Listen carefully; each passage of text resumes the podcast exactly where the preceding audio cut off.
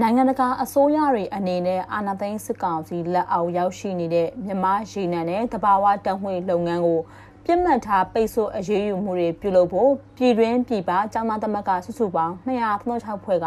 ပူးပေါင်းပြီးတောင်းဆိုလိုက်ပါတယ်။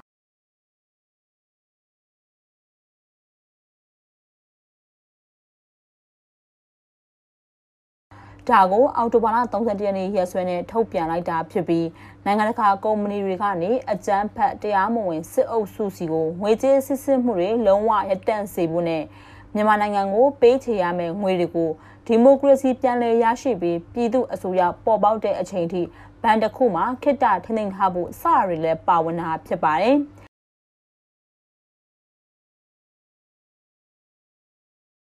ရေနံနဲ့တဘာဝဓာတ်ငွေ့လုပ်ငန်းတွေကနေအကြမ်းဖက်စစ်ကောင်စီကတော့နှစ်စဉ်အမေရိကန်ဒေါ်လာတန်းထောင်ချီရရှိနေရဖြစ်ပြီးအဓိကဝင်ငွေရတဲ့လမ်းကြောင်းတစ်ခုလည်းဖြစ်နေတဲ့အတွက်ဒါကိုပိတ်ဆို့အရေးယူနိုင်ဖို့အတွက်ဖိအားပေးသွားဖို့လိုအပ်နေရလို့ဆိုပါတယ်။ရေနံနဲ့တဘာဝဓာတ်ငွေ့ကုမ္ပဏီတွေဖြစ်တဲ့ Total Energy နဲ့ Chevron နဲ့အတူအမေရိကန်သမ္မတကတားဆီးပေးအတွက်ပါတောင်းဆိုမှုမှာတော့မဲအောင်လိုင်းနဲ့သူ့ရဲ့အကြမ်းဖက်စစ်အုပ်စုထံကိုငွေကြေးလှည့်ပြောင်းမှုတွေဆက်မလုပ်ဖို့ ဒီငွေတွေနဲ့စစ်အုပ်စုကိုလူတက်လက်နက်တွေတက်ဆင်ပေးနေရတွေကိုရပ်တန့်မှုအတွက်ပြည်သူတွေအားလုံးကတောင်းဆိုဖိအားပေးဖို့အတွက်လက်မှတ်ရေးထိုးဖို့ကိုပါအားလုံးကိုဖိတ်ခေါ်ထားတာလည်းဖြစ်ပါတယ်။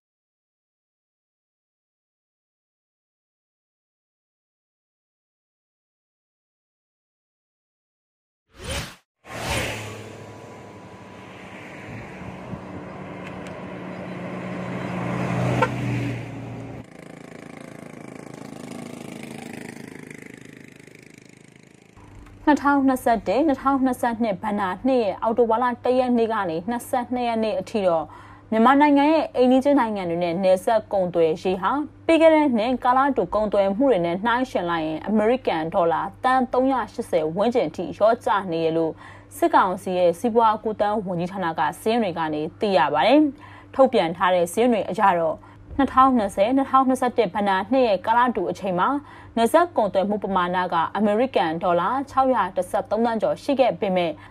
အခုဘဏ္ဍာနှစ်မှာတော့အမေရိကန်ဒေါ်လာ234သန်းဝန်းကျင်ပဲရှိရပါ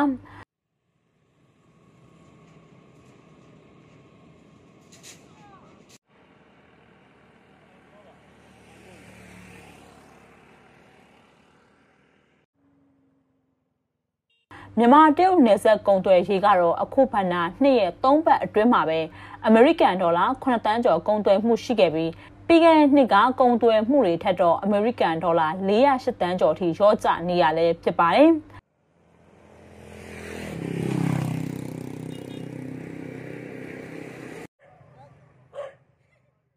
အခုပန္နာနှစ်မှာမြန်မာအိန္ဒိယနယ်စပ်ရဲ့ကုန်သွယ်မှုကလည်းတရသမ၄တန်းကျော်ပဲရှိပြီး အမေရိကန်ဒေါ်လာတသန်းနီးပါးထိရောကျနေတာပါ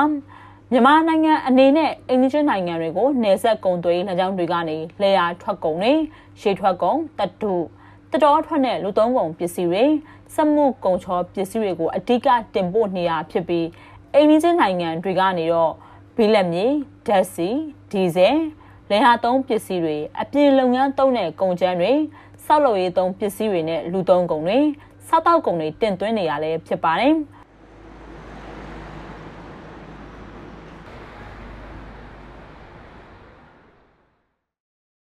တရုတ်နိုင်ငံကတော့နှစ်နိုင်ငံနေဆက်ကုန်သွယ်ရေးဂိတ်တွေကိုကိုဗစ်ရောဂါကိုအကြောင်းပြပြီးပိတ်ထားခဲ့တာကနေပြီးခဲ့တဲ့ရက်ပိုင်းကတော့ချင်းရွှေဟော်နေဆက်ဂိတ်ကနေကျန်ရာဘာရှော့ဗျူဝါကွန်းစတဲ့ကုန်ပစ္စည်းလေးမျိုးကိုတော့တင်သွင်းခွင့်ပြုတယ်ဆိုပြီးတော့လည်းထုတ်ပြန်ခဲ့ပါတယ်။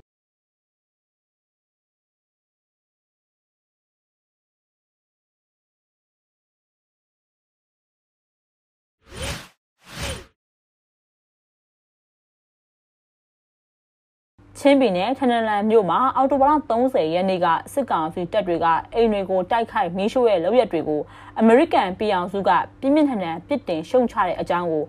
အမေရိကန်နိုင်ငံသားရေးဝန်ကြီးဌာနကအော်တိုဘာလ31ရက်နေ့ရက်စွဲနဲ့ထုတ်ပြန်ပြောဆိုလိုက်ပါတယ်။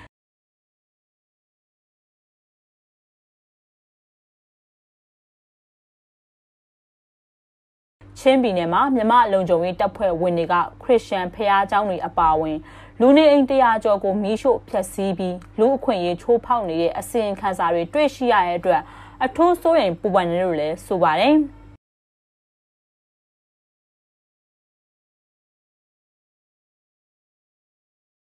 ဒါကြောင့်မြန်မာစစ်တပ်ကိုလက်နက်လွှဲပြောင်းပေးနေရတွေရပ်တန့်ဖို့အပါအဝင်လူ့အခွင့်အရေးချိုးဖောက်မှုတွေကိုကာကွယ်တဲ့အရေးယူမှုတွေကိုနိုင်ငံတကာအတိုင်းဝိုင်းကအရေးတကြီးဆောင်ရွက်ဖို့လိုနေပြီဆိုတဲ့အကြောင်းကိုပါပြောဆိုလိုက်ပါတယ်။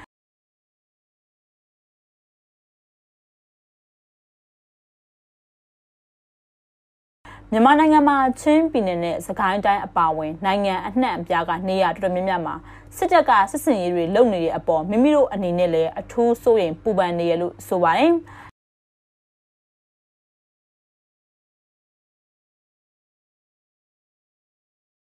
ဒါကြောင့်အကြမ်းဖက်မှုတွေကိုချက်ချင်းရပ်ဖို့ဖမ်းဆီးထင်းသူအလုံးကိုချက်ချင်းလွှတ်ဖို့နဲ့ဒီမိုကရေစီကိုအမြန်ပြန်လည်ဖော်ဆောင်မှုကိုတောင်းဆိုရလို့လည်းထုတ်ပြန်ချက်မှာဆိုပါတယ်။ မြန်မာပြည်သူတွေကိုစန့်ကျင်ပြီးဆောင်ရွက်ခဲ့တဲ့ဆောင်ရွက်နေတဲ့အာဏာပိုင်အဖွဲ့ရဲ့ကြောက်ရွံ့တုန်လှုပ်စရာကောင်းတဲ့အကြမ်းဖက်မှုတွေအတွက်တာဝန်ယူမှုရှိလာအောင်လဲဆက်လက်ပြီးတွန်းအားပေးသွားမှာဖြစ်ပြီးမြန်မာပြည်သူတွေရဲ့ဒီမိုကရေစီကြိုးပမ်းမှုကိုလည်းဆက်လက်ပြီးထောက်ခံပေးသွားမယ်လို့ကြေညာလိုက်တာဖြစ်ပါတယ်။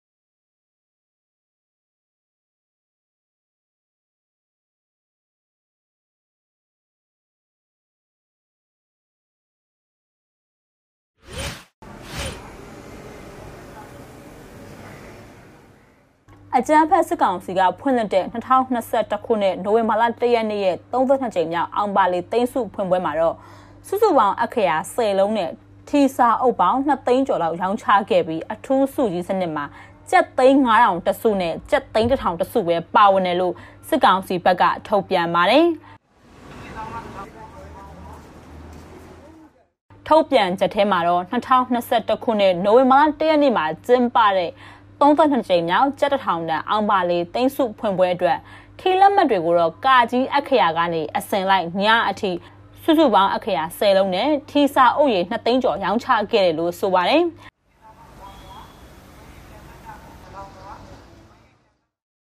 ဆက်လက်ပြီးတော့လည်းထီလက်မှတ်ရောင်းချငွေရဲ့ကြက်တန်းပေါင်း2000ကျော်ဖြစ်တဲ့အတွက်ရာခိုင်နှုန်း80ရာခိုင်နှုန်းခွဲဝေချိမြင့်မဲ့ထီစုငွေက ကျပ်တန်းပေါင်း1481.9တန်းဖြစ်တယ်လို့ဆိုပါတယ်။ဒီချီးမြှင့်ပေမဲ့စုမှာတော့အထူးစုကြီးစနစ်မှာကျပ်သိန်း9000တစုနဲ့ကျပ်သိန်း1000တစုသာပါဝင်ပြီးစုတစုချင်းစီစနစ်မှာလည်းကျပ်သိန်း900က2စုကျပ်သိန်း200 5စုကျပ်သိန်း100 6စု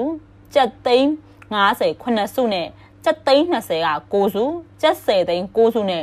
ဝဝေးဆဆာပရိသစုမဲစနစ်မှာတော့ကျပ်3သိန်းက 30စုကျပ်2သိန်းက200စုကျပ်3သိန်းက9000စုစတဲ့စုမဲတွေချင်းမြင့်မယ်လို့ဆိုပါတယ်စစ်ကောင်စီအာဏာသိမ်းပြီးရဲ့လကစပြီးထီစုကြီးစနစ်မှာတော့ကျပ်သိန်း9000ထိပဲအများဆုံးပါဝင်နေရလဲဖြစ်ပါတယ်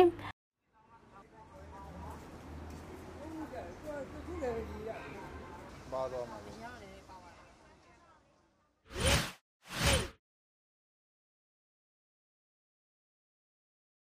အော်တိုဘာလအကုန်ပိုင်းမှာဘင်္ဂလားဒေ့ရှ်ကဝယ်လိုအားကောင်းနေတဲ့အတွက်မန္တလေးဈေးကွက်ထဲမှာတော့စမုံစပားနဲ့စမုံနဲ့ဈေးနှုန်းတွေကစံချိန်တင်မြင့်တက်နေရလို့သိရပါတယ်။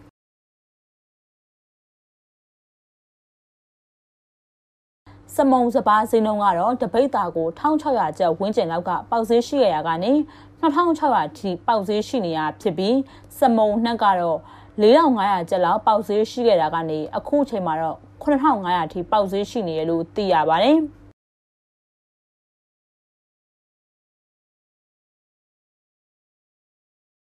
ပြည်တွင်းမှာတော့စမုံစပားနဲ့စမုံနှက်ကိုအသုံးပြုတာကနေပါပြီးအိန္ဒိယနဲ့ဘင်္ဂလားဒေ့ရှ်နိုင်ငံတွေကတော့ဟင်းခတ်အမွှေးကြိုင်အနေနဲ့အသုံးပြုကြရတာဖြစ်ပါတယ်။စမုံစပားနဲ့စမုံနှက်ကတော့မြဝကျွန်းပေါ်ဒေသနဲ့တောင်ပေါ်ဒေသတွေမှာဖြစ်ထွန်းအောင်မြင်လိမ့်မရှိပဲ